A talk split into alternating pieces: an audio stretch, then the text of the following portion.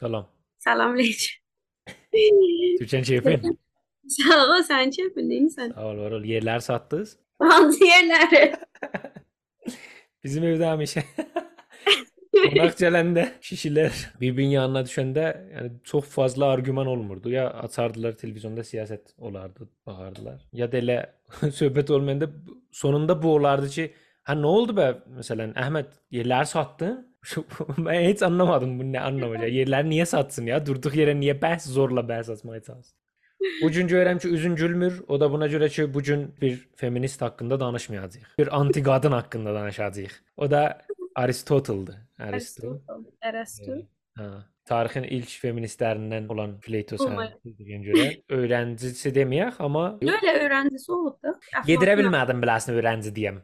Sonra gedir danır ondan daha yaxşı fikirlərlə gəlir qabağa mənə görə.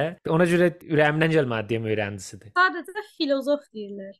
Filozof. The philosopher. Dil Yani filosofu, aha. the philosopher. O o fəlsəfəçi. O, o. Dünyada bir dənə fəlsəfəçi olsa, hamı Aristotle deyir olmalıdır.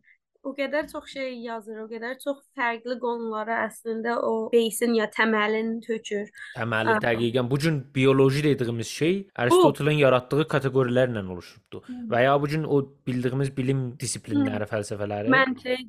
Məntiq dediyimiz şey, başqa məsələn siyasət falan filan dediyimiz kateqoriyaya ayırıb fərqli bir bilim olaraq oxuduğumuz şeylərin hamısının categorization'ını Aristotle eləyib. Təmələn o tövcük. Böyük adam imişsən. Ha, hər nə haqqında yazır, bax, ruh haqqında yazır, heyvanlar haqqında yazır, siyasət haqqında yazır, metafizik haqqında yazır. Nə cür yaxşı argüman qoy eləməlisən, Aristotle retorik, Hı. yəni nə cür insanlara qane eləməlisən, onun haqqında yazır. Çox çox belə m, bir bir çox şey bugünkü bildiyimiz bir çox şeyin Tam bizim millət kimin. Hər şey haqqında bir fikir var. Hər şey haqqında bir fikir var. Bilmirəm yoxdur, Cem Yılmaz deyir. Bilmirəm lo- yoxdur bizim lüğətdə yoxdur. Necə ki Aristotel üçün də. Ya yox xeyr, mən Aristotel üçün təbii ki bilmirəm. Sokratdan gəlirlər bunlar hamısı. Yəni bilmirəm deyib başlayırlar. Bilgiyə gedib çatırlar. Amma hər şey haqqında da söz olması mənim də biraz canımı sıxır. Hər şey haqqında da bilmə be kardeşim. baxaq bəlkə bəlkə DNA-sına baxsan biraz türklük var. Biraz biraz ola bilər. Hər şey haqqında da fikir olarmı ya bir insanın? Aristotle gene antik Yunan'da, ya hele hele antik Yunan'da. Yunan qurtulsaydı. Tutulsaydı Yunan tanrımız rahatlardı. biraz Aris- Aristotle ya Arastu Makedonya'da, özü de Selanik'te dünyaya geldi. Özü de e, Əflatun təkin, hətta bəlkə Əflatundan daha da çox pullu bir e, yuxarı ailədən gəlir. Ailəsinin kökü tamamı həkimdir ya o o cür həkim məsələn e, maması əbəymiş. Bu cür e, həkimliklə bağlı, özü də kraliyyət ailəsinə hamısı. Məsələmin şey e, indi danışacağıq. Ə- Aristo gedir böyük İskəndərin müəllimi olur. Gedir e, e, ona şeylər öyrədir, fərqli-fərqli. Yəni sənin o fəlsəfə dalında getməsəydin, ya nə bilim, öyrənməsəydin, gedib akademiyada dərs oxumasaydın, sən gəlib heç böyük İskəndərlə, ə, böyük İskəndər səni nə edəcəkdi? Hmm. Yəni bir bir bir əlində bir kvalitet olmalıdır ki, o birisilərdə yoxdur. Onu Hmm. işlədə biləsən də. Ə, o zaman da bilgi, nə bilim, Hmm. yazıb oxuya bilmək ə, Düzdür. daha böyük bir kvalitetdir. Böyük İskəndərin hocası. Sonra da gedir Böyük İskəndər dünyanın yarısını alır. Bütün Aristo'nun bax moralite üstündə gəlib nə düzdür, nə yanlışla bağlı o qədər yazısı var. Amma onun Qıra qıra öyrəndiyi gedir İskəndər gedir, alır, vurur, öldürür, təcavüz edir, yandırır. Birə-birdə Çəngiz vurar ya Böyük İskəndər. Təngiz, əlbəttə sən. Yo, yo, yo, doğrudan deyirəm Təngiz. Niyə? Doğrudan Təngiz. Çünki böyük İskəndər ə, Təngiz heçdən gəlir. Heç bir şey yoxdur. Hər nə mənəni özü Zindandan gəlir də. Köləlikdən gəlir. Köləlikdən gəlir. Hər nə hər nə mənəni özü qurur. Amma böyük İskəndər belə biraz pullu ailədə, biraz şımarıq. Baba parası yeyib Baba gəlir. parası yeyən zübbədir biraz. Təngiz xan hər nə mənəni özü əldə edir. O stratejini, hər şeyi özü qurur. Yorumlarda yazın. Siz də u- utar ya ya Birə-birdə kim alar? Çəngiz ya. bir. Çəngiz İskəndər. Onu dedik, indi gələk birə-birdə kim olar? Ərəstu olar ya Plato? Fərqləri danışaq. Məncə burada da Aristotle alar, boynuz gəlir qulağa getir. Platonun dediyi bir çox şeylərə qüq qoyur, deyir ki, bu düz deyil, bu problematikdir.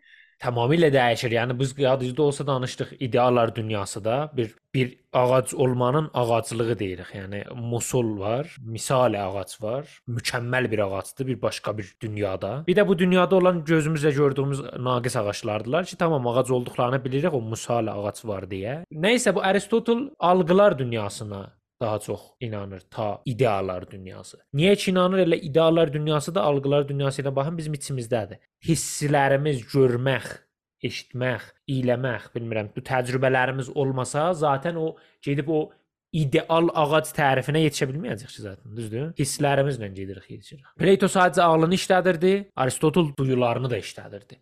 Plato şair idi, Aristotel isə ciddi idi, bilim adamı idi. Platonun məsələn fiziklə, matematiklə çox belə işi olmur, sevmir. Yo. Amma Aristotel girir onların hamısının içinə. Yeyib içib şeir deyirdi. Hə. Plato inanır ki, ilk öncə ağacın ideası yaranır. Yəni mükəmməl ağac ideası içimizdə var. Yəni dünyaya gələndən ağacı görəndə bilirik ki, bu ağacdır, bu ağaca oxşuyur, bu nəsnə bir ağaclıqdır, bu içimizdə var o, tamam? Və ya başqa bir dünyada, Mosol dünyasında falan var, idealar dünyasında yaranır. Sonra dünyada gördüyümüz ağaclar da ağac ideasının, o mükəmməl ağacın kölgəsi kimi bizə təzahür edir. Danışdıqda o mağara alleqorisində kölgəsi kimi yansıyır. Tam tərsinə Aristotel inanır ki, biz bir sürü ağac örnəklərini görürük bu dünyada. Əvvəl dünyaya gəlirik, görürük bir sürü ağac örnəyini, sonra onun ideal formu zehnimizdə yaranır. Yəni biz ilk öncə görürük, təcrübələrimizdən, o görürlər, gördüklərimizdən bir dənə ideal ağac formu yaranır. Bundan sonra da hər hansı bir ağac fərqli də olsa görsək deyirik bu ağacdır. Fə biraz fərqi də olsa deyirik də bu ağaclığı var. Niyə ki 10 dənə məsələn örnək görmüş o ağacdan. Yəni ağac ideası insanın öncədən içində olan bir şey deyil. Duyularımızla, təcrübələrimizlə görüb bunu ağaclıq adı veririk. Tam məntiqi insansan Aristotel. Sağ ol. Biraz da o, o məncə o ailəsindən gəlir əslində. O qədər ə, həkimliklə, məsələn, insanların doğmasın, böyüməsin, hər şeyin görür. Məsələn, atasını görür, gedir, orada dərman düzəldir. Bunların hamısını düzəld bunların hamısının birə-bir uşaqlıqdan şahid olduğu üçün belə heyvanları yazma səbəblərindən biri də odur da, odur məsələn, büyünün taksonomisinin ə, şeyin ə, beysin yazır. Hmm. ki bu filan heyvanlar belədir, məsələn itlər belədir, pişiklər belədir, quşların qanadları var, onların Aha. yoxdur. Dəqiq. Amma sən Əflat ə, Əflatuna baxsan, Əflatun deyir, Heç. heç nə nə edeyim yəni Şeir. Elə ancaq qoyasan şeir deyə. Ha, əsən umrunda deyil ki, bu dünyada heyvanlar var, bitkilər var, yəni o Biz cür niyə hər şeylər. epizodqa bağçı filosofu vururuq?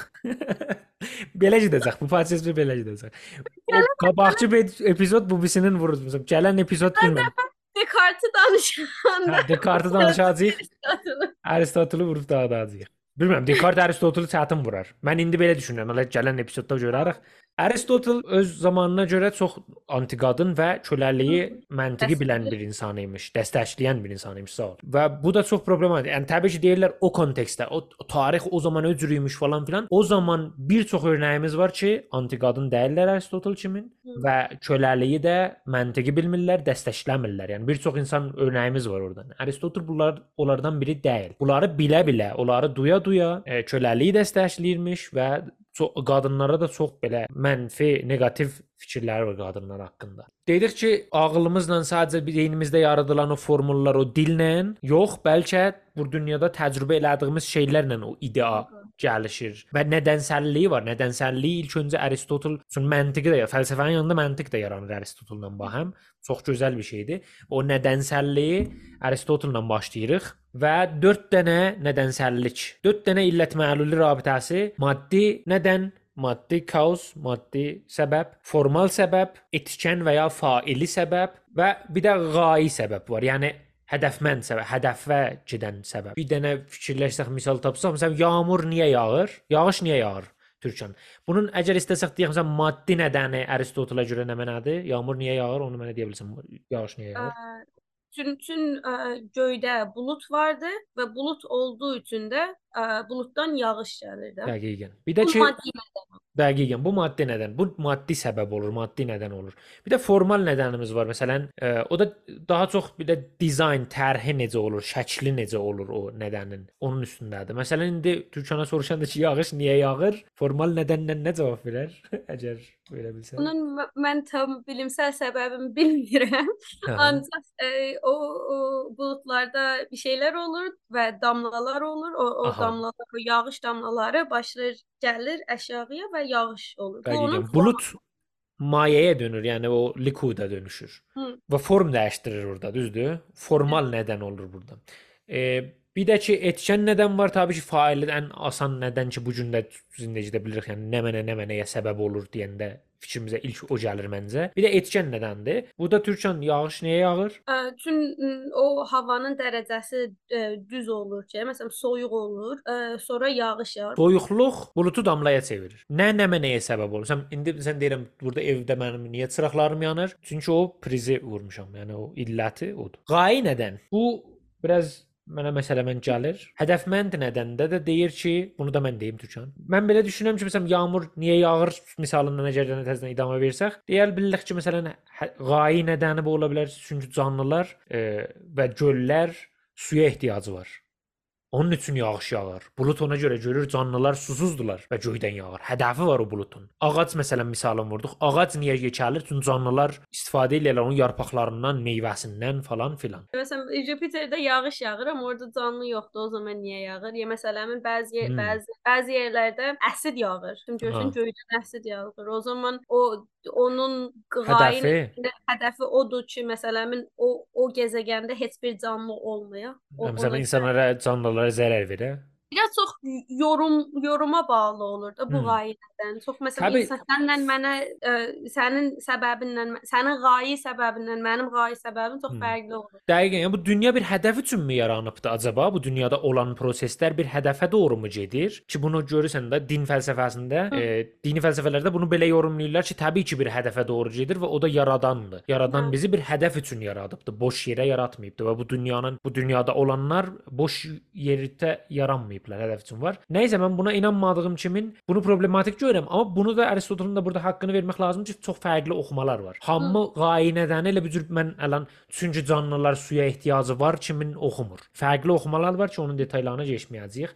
Özünüz ə, əlaqəniz varsa oxuya bilərsiniz. Və zaten yəni o qədər asan deyil çünki bu ə, Aristotelin yazdıqları sonra e, gəlir ə, din fəlsəfəsinə ə, yol verir ki, ta Aristotelin zamanından ə, aydınlanma zamanına kimin Aristotel'də, Descartes-də, nə bilim Saint Thomas Aquinas-da bunların hamısı gəlir yəni bu bu yaradan, yaratma nə səbəbdən bir amacımız varmı, yoxmu deyə keçir. Yəni burada biz deyirik bu problematikdir, amma problematik olma səbəbinin biz ya da bizim onu bilmə səbəbimiz budur ki 100 ne tabii 600 il bunu oturublar, danışıblar. Sonra ancaq o qanaya gəlmişik ki, hə, sən burada bir problem var. Yəni o o cür deyib də getməyək.